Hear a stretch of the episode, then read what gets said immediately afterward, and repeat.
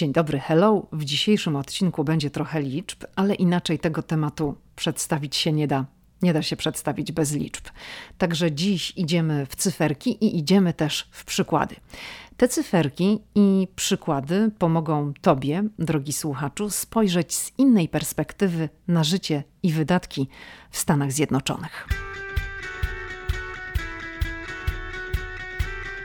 Hej, tu Lidia Krawczuk, dziewczyna ze Szczecina, która wylądowała w Waszyngtonie. Ameryka mnie fascynuje, żyję w niej od ponad dekady i cały czas ją odkrywam. Podróż do Stanów Zjednoczonych była zawsze moim marzeniem. Nie sądziłam jednak, że w Ameryce kiedyś zamieszkam. Jeśli Ciebie, tak jak mnie, ciekawią Stany i chcesz wiedzieć o nich więcej, to jesteś we właściwym miejscu. Opowiadam tu o Ameryce, o życiu w Stanach i o tym wszystkim, co odkrywam podczas mojej amerykańskiej przygody. Zapraszam na podcast Ameryka i ja. Zaczynamy.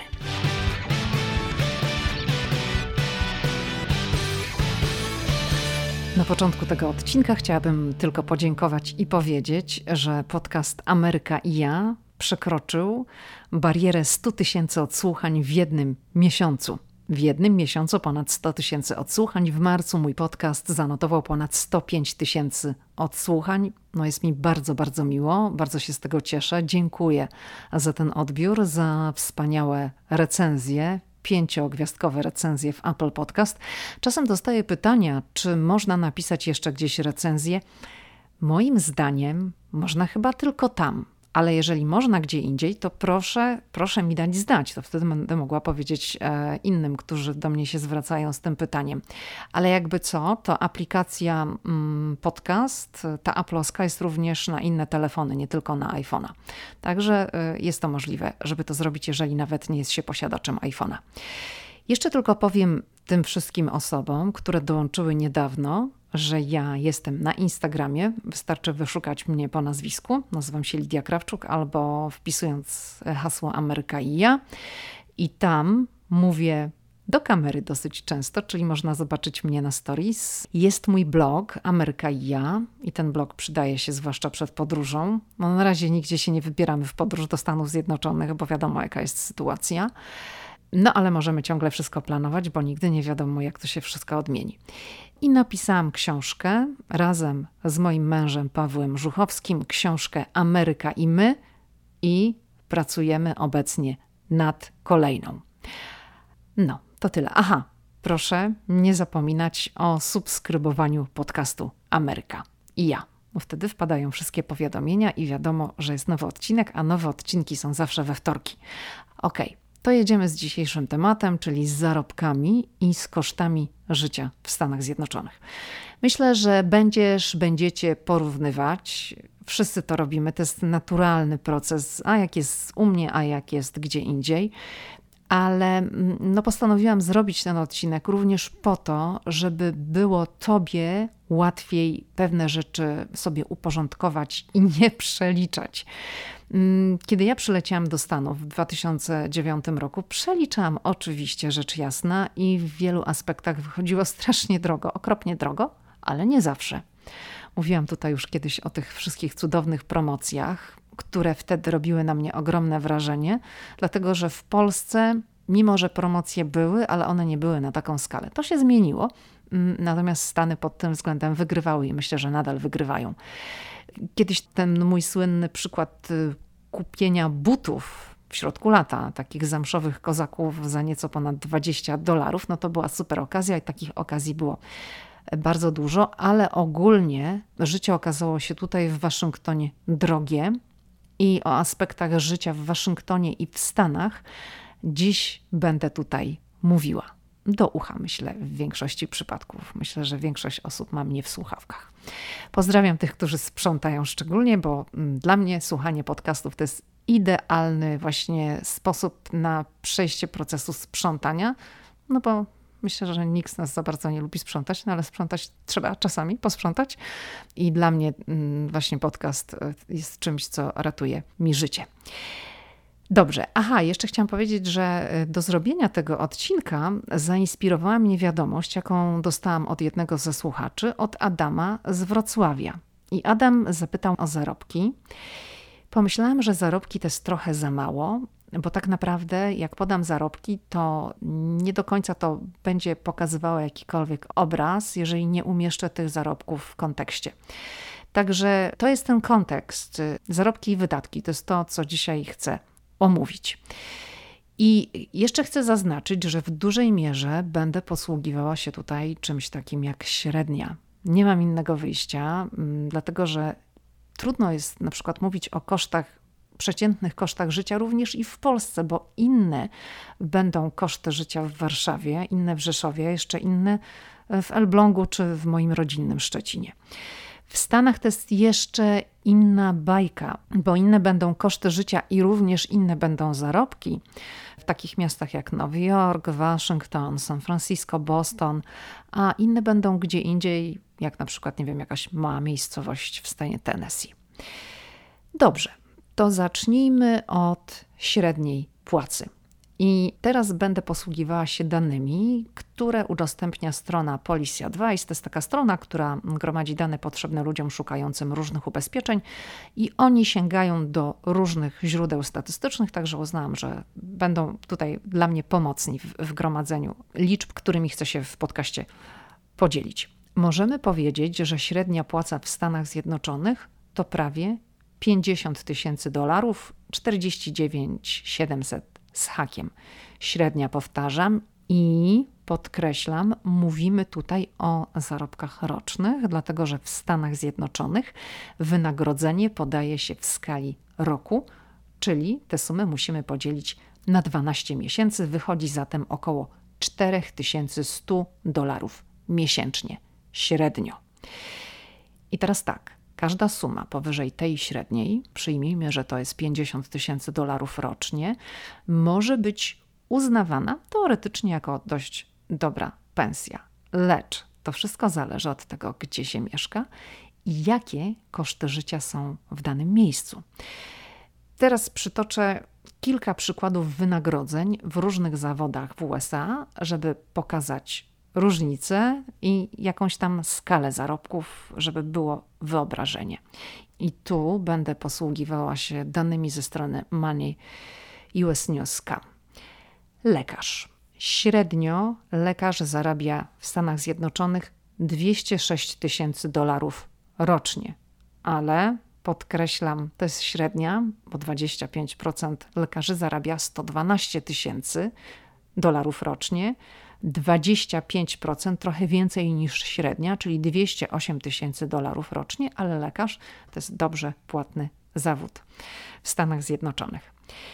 I pomyślałam, że przy okazji, kiedy mówię o zawodzie lekarza i zarobkach, wezmę pod lupę tutaj na chwilę zawód. Ten zawód po angielsku nazywa się nurse practitioner. No pielęgniarka to jest w Polsce i wszędzie jest pielęgniarka, ale ten zawód, o którym ja mówię, jest charakterystyczny dla Stanów. Nie wiem, czy coś takiego jest w innych krajach.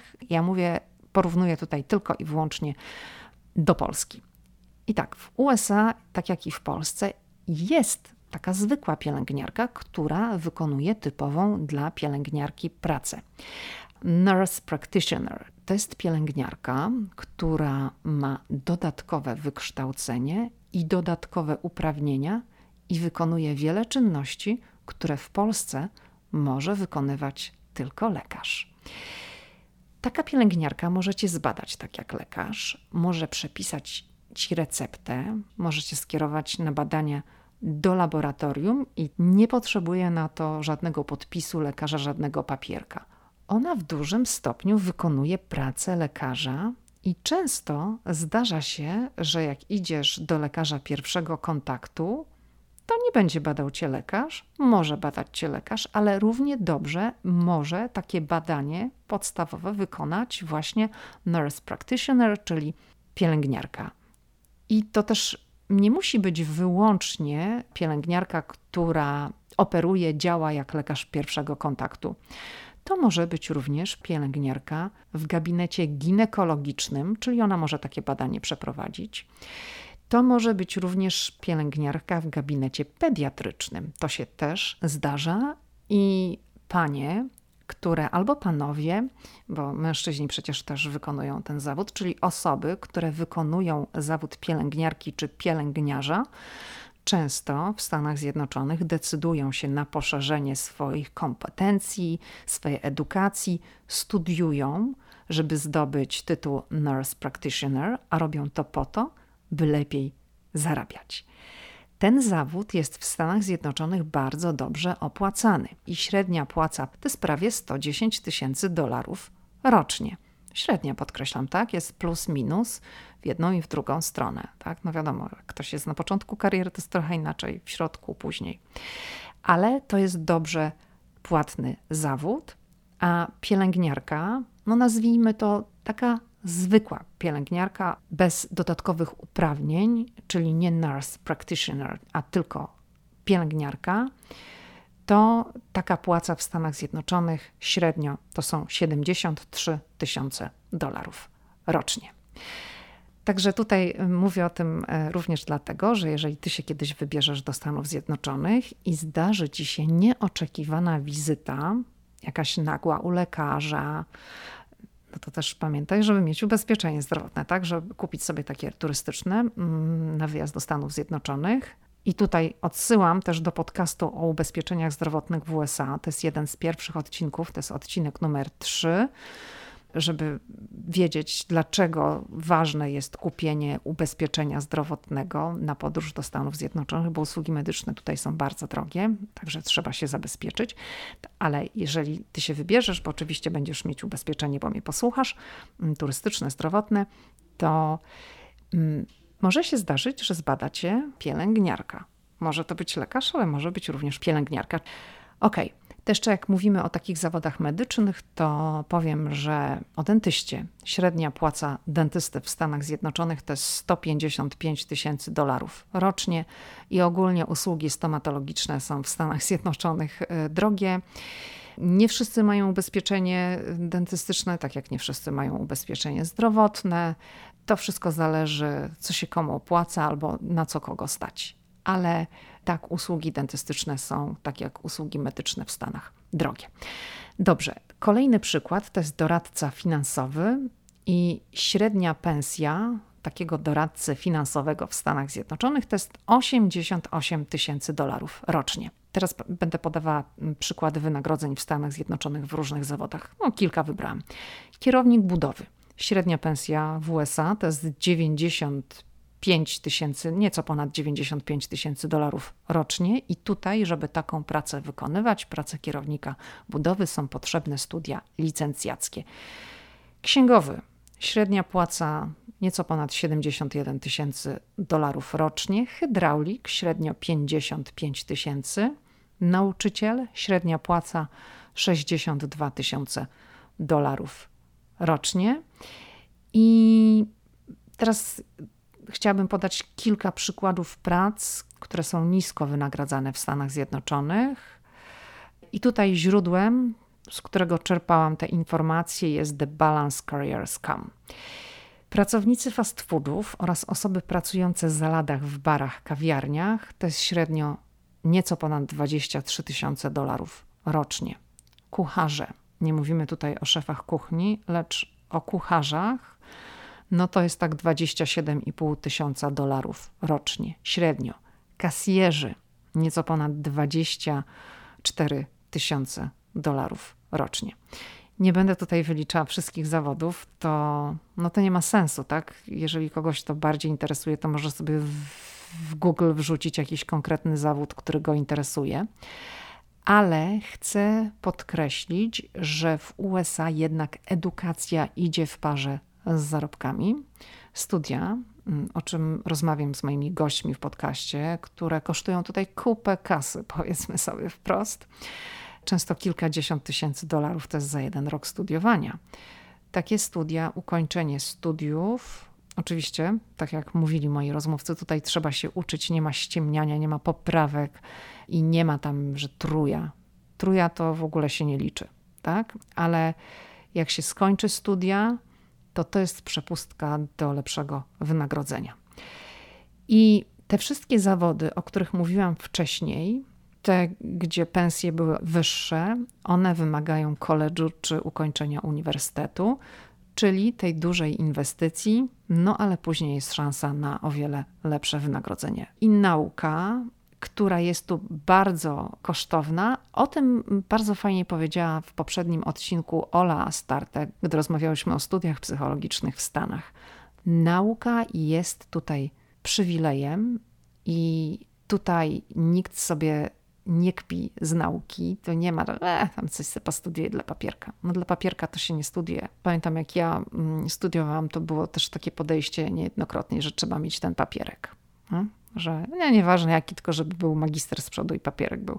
No tutaj to y, nikt do tego tak nie podchodzi, tylko raczej te kariery mm, są przemyślane. Oczywiście ludzie zmieniają zdanie i czasem idą mm, w innym kierunku. Czasem to są też takie dylematy, że ktoś zainwestował bardzo dużo pieniędzy w studia, nie wiem, na przykład prawnicze, a potem okazuje się, że prawo to nie jest to, co on chce robić w życiu.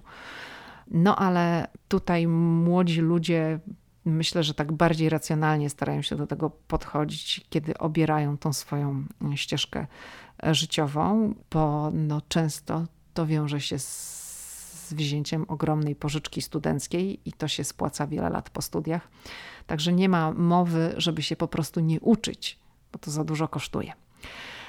Dobrze, Teraz wrócę znowu do danych Policy Advice, które cytowałam na początku, ponieważ oni mają takie zestawienie, z którego wynika, że około 34% Amerykanów zarabia ponad 100 tysięcy dolarów rocznie, jakieś 15,5% zarabia pomiędzy 100 tysięcy a 149 tysięcy dolarów rocznie, Kolejną grupą są zarabiający pomiędzy 150 tysięcy a 199 i takich osób jest 8,3%. No i 10,3 zarabia rocznie ponad 200 tysięcy dolarów. Chciałam powiedzieć i podkreślić jeszcze raz, że to są wszystko średnie. Nie można mm, wszystkich włożyć do jednego worka bo inne zarobki będą w dużych miastach, inne w mniejszych. To chciałam taki podać przykład. Moja znajoma, która działa w branży IT, ta znajoma pochodzi z Europy, ona tutaj przyjechała z Europy, reprezentuje europejską firmę, która, ta europejska firma jest w procesie zatrudniania ludzi na tutejszym rynku. I jej spostrzeżenia są takie, mówimy o branży IT, że ludzie mają bardzo wysokie oczekiwania co do zarobków właśnie w tej branży, bo no jej doświadczenia są takie, że często są to oczekiwania na poziomie 200 tysięcy dolarów rocznie. I to się potwierdza to, o czym ona mówi, bo zajrzałam właśnie e, z ciekawości, szukając przykładów do tej branży na stronę salary.com i średnie zarobki w IT w USA to są 202 tysiące dolarów rocznie. Ale to średnio, tak, bo wiadomo, że są widełki, są różne stanowiska i ludzie zajmują się różnymi rzeczami w ramach tej branży. No ale tutaj tak chciałam mm, taką ciekawostkę Wam sprzedać. No dobrze, mm, podałam kilka przykładów, zatem mamy jakiś tam obraz zarobków w różnych zawodach i na różnych płaszczyznach. To teraz może zacznijmy trochę wydawać tę amerykańską pensję na mieszkanie, na ubezpieczenie, mm, na jedzenie, może trochę na emeryturę. Jeszcze podam jakieś kilka przykładowych cen, jakichś kosztów. To zacznijmy od kosztów związanych z mieszkaniem, bo to jest zawsze największy koszt. I też będę rzecz jasna operowała średnimi, i wszystko zależy od tego, kto gdzie żyje i w jakim żyje standardzie, bo inny będzie czynsz najmu czy kredyt, tak, który się ma na 30 lat. Inny będzie w apartamentowcu w dobrej lokalizacji z wygodami, z basenem, z siłownią i tak dalej, a inny będzie w przypadku mieszkania w budynku bez wygód i w gorszej lokalizacji. Ja działam w sieci od dawna, bardzo dawna, i z moich obserwacji wynika, że pragnieniem bardzo wielu osób, które nigdy nie były w Stanach Zjednoczonych, a chcą do Stanów przyjechać, jest zobaczenie Nowego Jorku. I ja to bardzo dobrze rozumiem, bo ja też bardzo chciałam polecieć do Nowego Jorku i mówiłam o tym, że jak się okazało, że my mamy zamieszkać w Waszyngtonie, to byłam zawiedziona. W Waszyngtonie nie, nie, za wiele właściwie wiedziałam na temat tego miasta. Cieszyłam się, ale nie byłam zachwycona, że to jest Waszyngton. Chciałam do Nowego Jorku. Także postanowiłam tutaj podać takie średnie dotyczące, zacząć od Nowego Jorku, właśnie takiego miasta, miasta marzeń dla wielu osób. Więc średni koszt wynajęcia dwupokojowego mieszkania, mówimy one bedroom. Według amerykańskiej nomenklatury one bedroom to jest jedna sypialnia i living room. W polskiej nomenklaturze to będzie dwupokojowe mieszkanie. Także one bedroom na Manhattanie według Zillow.com to jest prawie 3,5 tysiąca dolarów miesięcznie. Poza Manhattanem to może być i 1000 dolarów mniej. No tańsze będzie oczywiście studio, czyli kawalerka, to jest około 2000 do 2,5, wszystko zależy od standardu lokalizacji. No ale to tyle kosztuje. Dla porównania, średni koszt wynajmu dwupokojowego mieszkania w Waszyngtonie, tak o powierzchni 70 metrów kwadratowych, czyli to jest ten one bedroom, tak? living room i jedna sypialnia, to średnia to są 2000 dolarów. No, pamiętajmy, że mm, oczywiście wszystko zależy od typu budynku, standardu, w dobrych apartamentowcach z wygodami przy tej wielkości mieszkania. No to będzie więcej niż 2000, o kilkaset dolarów więcej. Także tutaj podam ceny w dużych miastach, w mniejszych, gdzieś tam na prowincji, to i połowa będzie. No ale tam też zarobki będą mniejsze. Ubezpieczenie zdrowotne. To wszystko zależy, czy masz od pracodawcy. W podcaście numer 3, o którym wspominałam, opowiedziałam szerzej o ubezpieczeniach. Odsyłam wszystkie osoby, które nie słuchały, a które chcą się dowiedzieć, jak to działa, bo to działa. No z naszej polskiej perspektywy to jest po prostu szaleństwo, jak to działa. Eee, no, lepiej nie chorować. W każdym razie, to jest tak, jeżeli tutaj zaczniesz rozmawiać ze znajomymi mm, na temat ubezpieczeń zdrowotnych, to okaże się, że każdy ma inne. I w amerykańskim systemie, w tych ubezpieczeniach zawsze, no praktycznie zawsze trzeba współpłacić, czyli coś tam dopłacić. Czyli jeżeli masz ubezpieczenie, nawet jeśli pracodawca ci częściowo je finansuje, bo na przykład często zdarza się, że pracodawca, są takie firmy, że pracodawca płaci za wszystko, ale nie wszędzie tak jest. Często jest tak, że nie wiem, pracodawca zapłaci połowę albo trzy czwarte twojej składki, ty resztę i to i tak jest super. Bo jeżeli ubezpieczenie dla jednej osoby kosztuje kilkaset dolarów miesięcznie, no to nie wiem, zamiast 600 ty zapłacisz 200. To to jest dużo, tak? No ale trzeba też pamiętać, że jak idziesz do lekarza, to zazwyczaj mimo ubezpieczenia zapewne usługi musisz coś dorzucić. Ile? To oczywiście reguluje umowa z ubezpieczycielem. Jak się zaczyna nowy rok ubezpieczeniowy, to najczęściej dostaje się pocztą do domu taką grubą księgę, gdzie jest wszystko napisane i jak ją otwierasz, to ci się odechciewa w ogóle nawet na to patrzeć, bo często to jest tak zawiłe, pewne rzeczy są niejasne. No, ja nie lubię nie lubię obcować z tą księgą, powiem szczerze. Ale chciałam po prostu powiedzieć tyle, że usługi medyczne są w USA kosmicznie drogie. To nie ma tak jak w Polsce, że masz ubezpieczenie państwowe. Jakie są kolejki, jaki jest dostęp do lekarzy, to jest oczywiście osobna kwestia, ale jeśli już masz operację w Polsce, jakiś zabieg, prześwietlenie i masz ubezpieczenie mm, z NFZ-u, no to te koszty już cię nie interesują. Masz ubezpieczenie sprawa jest załatwiona i zamknięta. W USA tak to nie działa. Zawsze dostajesz potem rachunek i właśnie ubezpieczenie reguluje, ile w takich przypadkach zapłaci firma ubezpieczeniowa, a ile ty.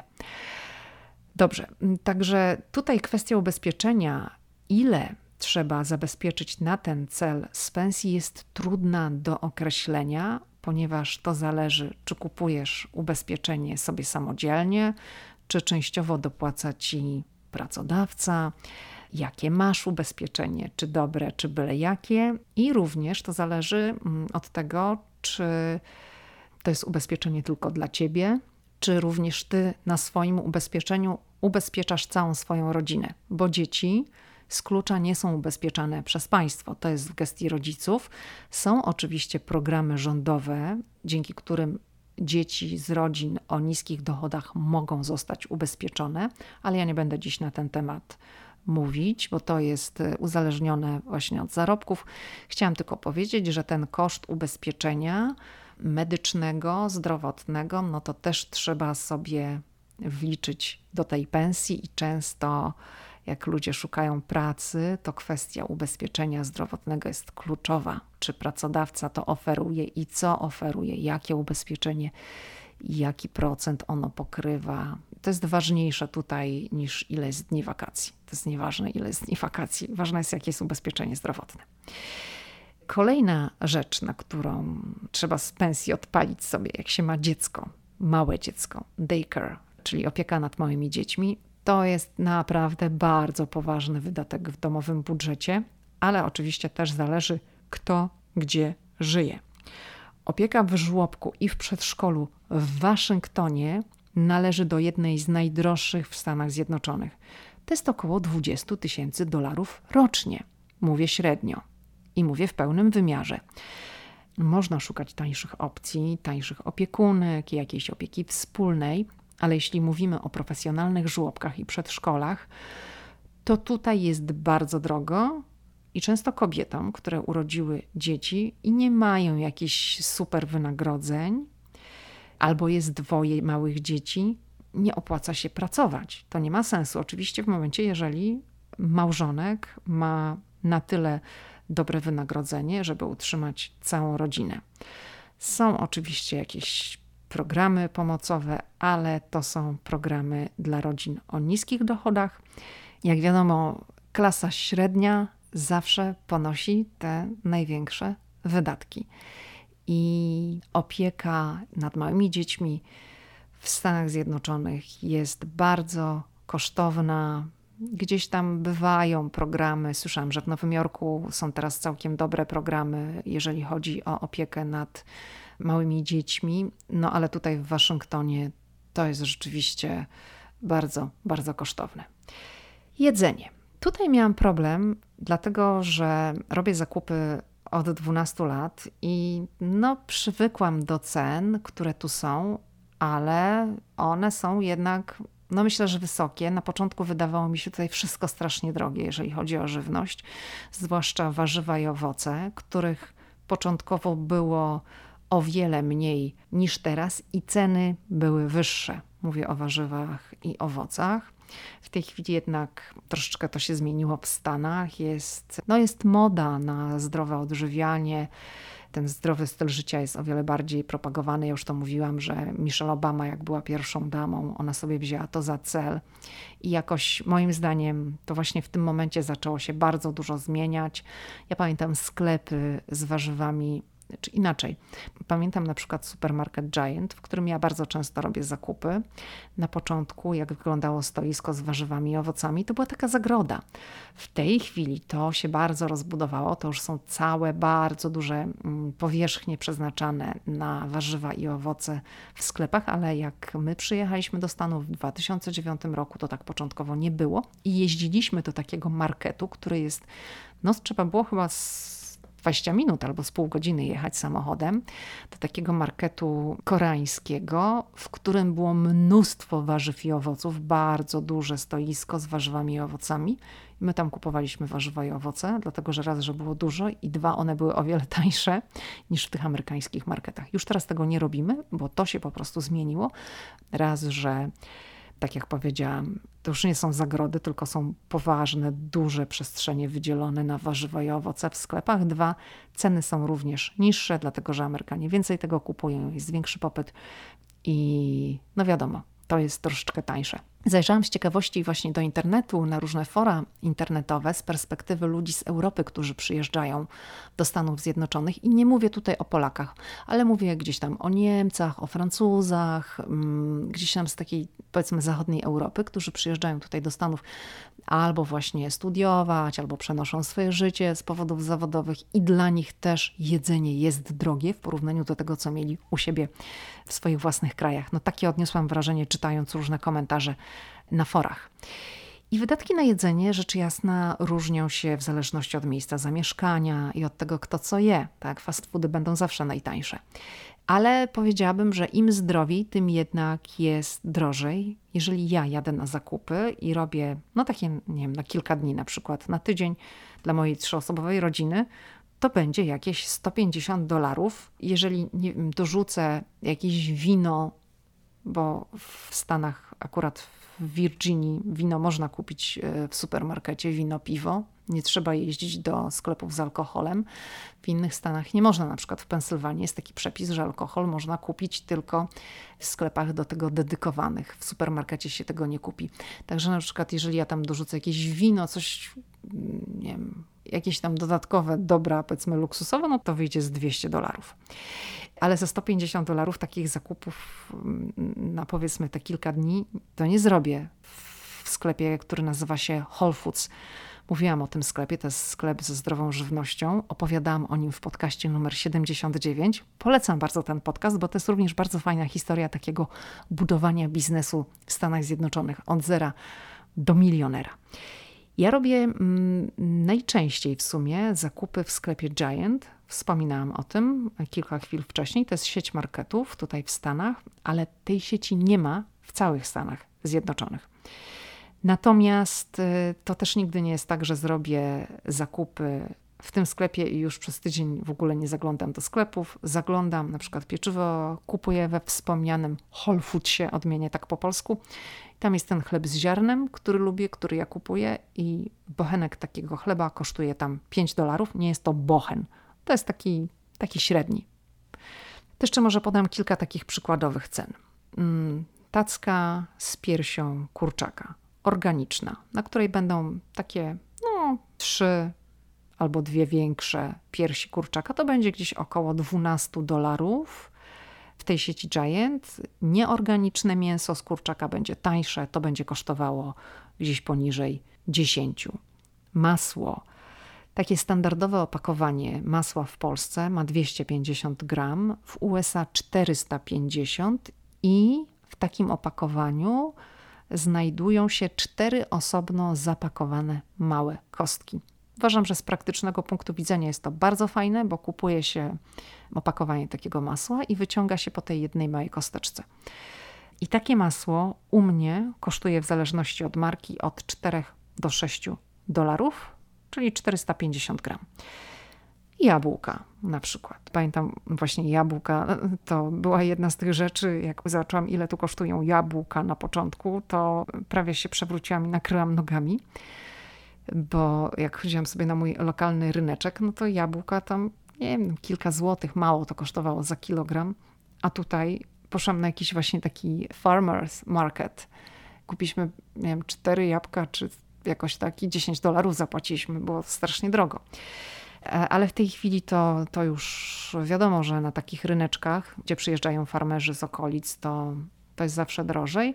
Ale w takim supermarkecie jabłka typu gala kosztują zazwyczaj dolar 99, czyli 2 dolary, ale to jest za funt, czyli za niecałe pół kilograma. Inne odmiany mogą być droższe. Gala, tak wydaje mi się, że jest jedną z tych odmian, które właśnie są w tej półce, w tym przedziale cenowym dolar 99. Inne odmiany mogą być 2,99, 4 dolary. Wszystko zależy od gatunku i cały czas mówimy o cenie za funt, czyli niecałe pół kilograma. Jogurt 500 ml to będzie około no, 4 dolarów, 4 z hakiem. Przyprawy to jest bardzo ciekawe. Przyprawy są dość drogie i one są sprzedawane zazwyczaj w słoiczkach, w takich plastikowych pojemnikach i na przykład kery, oregano, jakiś tymianek to taki słoiczek, nie że tam słoik, no taki słoiczek mały z przyprawą potrafi kosztować w sklepie Giant jakieś 6 dolarów. Jeśli masz kartę lojalnościową, bo jest dużo właśnie promocji i są obniżki na wiele produktów w sklepach, jeżeli masz kartę lojalnościową do e, danego supermarketu. No to czasem jak jest promocja, to zamiast 6 to będzie kosztować 4,5. No to 1,5 dolara jest mniej. I jeśli na przykład pojedziesz do sklepu Aldi, niemiecka sieć Aldi weszła jakiś czas temu do Stanów Zjednoczonych i ona tutaj robi furorę, bardzo dobrze się rozwija. I w tych sklepach jest bardzo tanio w porównaniu do amerykańskich. To tam w Aldi przyprawę kupisz za 2 dolary albo mniej. Ja bywam w Aldi czasem, e, ale to nie jest sklep, który mam gdzieś tam pod nosem to nie jest tak, że mam tak blisko jak e, do sklepu Giant czy Whole Foods, ale mm, Aldi jest sklepem tanim i jednak oni mają ograniczony asortyment, przede wszystkim warzyw i owoców, to znaczy wszystko mają w ograniczonych ilościach i tam nie ma takiego wyboru jak w typowym amerykańskim supermarkecie. Ale jeżeli chce się zrobić takie podstawowe zakupy, to można je w Aldi zrobić i ceny są tam bardzo korzystne. Jeżeli chodzi o wydatki na jedzenie, to jeszcze trzeba powiedzieć, że w Stanach Zjednoczonych dużo wydaje się na jedzenie poza domem w restauracjach. Ale restauracja w amerykańskim pojęciu ma bardzo szerokie spektrum i sieciówki, takie jak fast foody, też są w tej kategorii. I Amerykanie ogólnie kochają wychodzić, bardzo lubią jeść poza domem. Rzecz jasna, pandemia to w dużej mierze zweryfikowała, ale restauracji jest tutaj mnóstwo. Tu są wszystkie kuchnie świata. I to jest również doskonały pomysł na życie dla imigrantów, którzy zakładają tutaj bary, swoje bistra, jakieś małe restauracje. Także tu jest dużo kuchni świata. No i również w tych restauracjach bardzo wiele osób znajduje zatrudnienie.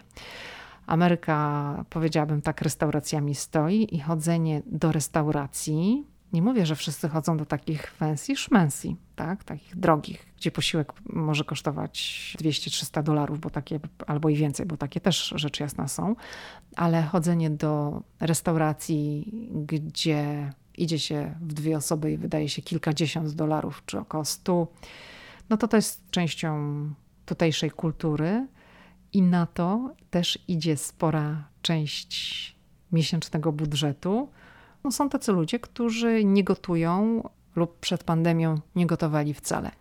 Ok, to teraz koszty związane z internetem. To jest kilkadziesiąt dolarów miesięcznie. Jak wszędzie, to zależy od pakietu, jaki wybieramy, ale szybki internet, dobry, to będzie. Ja się opieram o te stawki, tutaj zastrzegam. Tutaj mówię tych o moich lokalnych. To jest tak około 90 dolarów i to jest często w pakiecie z takim podstawowym dostępem do telewizji kablowej. Zdarza się, że nawet nie ma pakietu bez telewizji. Po prostu musisz wziąć ten pakiet. Kolejna rzecz to jest benzyna. Paliwo w Stanach Zjednoczonych jest tańsze niż w Polsce. Będę mówiła o zwykłej benzynie, nie o premium. Oczywiście ceny za paliwo będą różniły się w poszczególnych stanach i to bardzo mm, dobrze widać, jeżeli podróżuje się samochodem przez Stany, jest jakaś taka dłuższa podróż i droga, to, to widać jak stawki się zmieniają. Podam taką przeciętną stawkę, która jest tutaj w Arlington, Virginii, to jest około w tej chwili 2 dolarów 60 centów, 2 dolarów 70 centów, taka średnia za galon, podkreślam za galon, ponieważ w Stanach Zjednoczonych tankuje się w galonach, a nie w litrach i jeden galon to jest prawie 3,8 litra. Kolejna rzecz na mojej liście to jest opłata za telefon komórkowy z dostępem do internetu, rzecz jasna, prawda? Bo inne plany we współczesnym świecie się chyba nie liczą praktycznie. To zależy od planu, oczywiście, lecz to będzie tak kilkadziesiąt dolarów miesięcznie. Jak jest dobry plan, nieograniczono rozmowy, nieograniczony pakiet danych, to tak z 50 dolarów będzie. Oczywiście może być i około 100. Jeśli na przykład kupi się najnowszego iPhone'a i spłaca się go przez dwa lata, bo u operatorów są również takie możliwości, żeby e, w ten sposób e, telefon nabyć. No to wtedy rachunek, do rachunku co miesiąc jest doliczana taka rata i to może gdzieś tam ze 100 dolarów wyjść. I przy okazji powiem, że w USA większość osób używa iPhone'ów. Takie są moje obserwacje, ale zajrzałam do danych statystycznych i to się potwierdza 56% Mm, użytkowników telefonów komórkowych, smartfonów e, w Stanach Zjednoczonych operuje na bazie systemu iOS. Jeszcze rzecz jedna, jeśli mówimy o wydatkach, którą trzeba ująć, gdy mówimy o każdej osobie zmuszonej do zaciągnięcia pożyczki na rzecz studiów. Opieram się na danych ze strony Credible.com. Według tych danych Przeciętnie osoby, które kończą obecnie college, spłacają miesięcznie 393 dolary, czyli praktycznie 400 przez 10 lat średnio, czyli przez dekadę.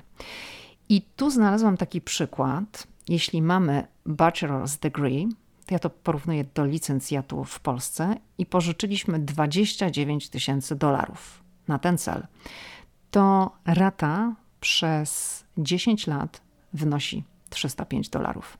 No jak wiadomo, dobre studia kosztują więcej, często te programy kosztują więcej, mówili o tym w poprzednich podcastach moi rozmówcy. Także wchodząc w zawodowe życie w Stanach Zjednoczonych, wchodzi się równocześnie z pożyczką zaciągniętą na rzecz studiów i kilkaset dolarów trzeba przez dekadę oddawać. Niektórzy spłacają dłużej, bo na przykład pożyczyli więcej na studia, bo studia były bardziej kosztowne. Jest jeszcze jedna rzecz, o której chciałam dzisiaj powiedzieć, o której powiem krótko. To są wydatki związane z funduszem emerytalnym. Jedna rzecz to jest Social Security, czyli odprowadzając podatki, zyskuje się też prawo do emerytury w ramach tego właśnie Social Security, ale to jest za mało, żeby spokojnie żyć na emeryturze i Amerykanie oszczędzają dodatkowo na fundusz emerytalny. To się nazywa w Stanach Zjednoczonych 401k, czyli tak po polsku 401k.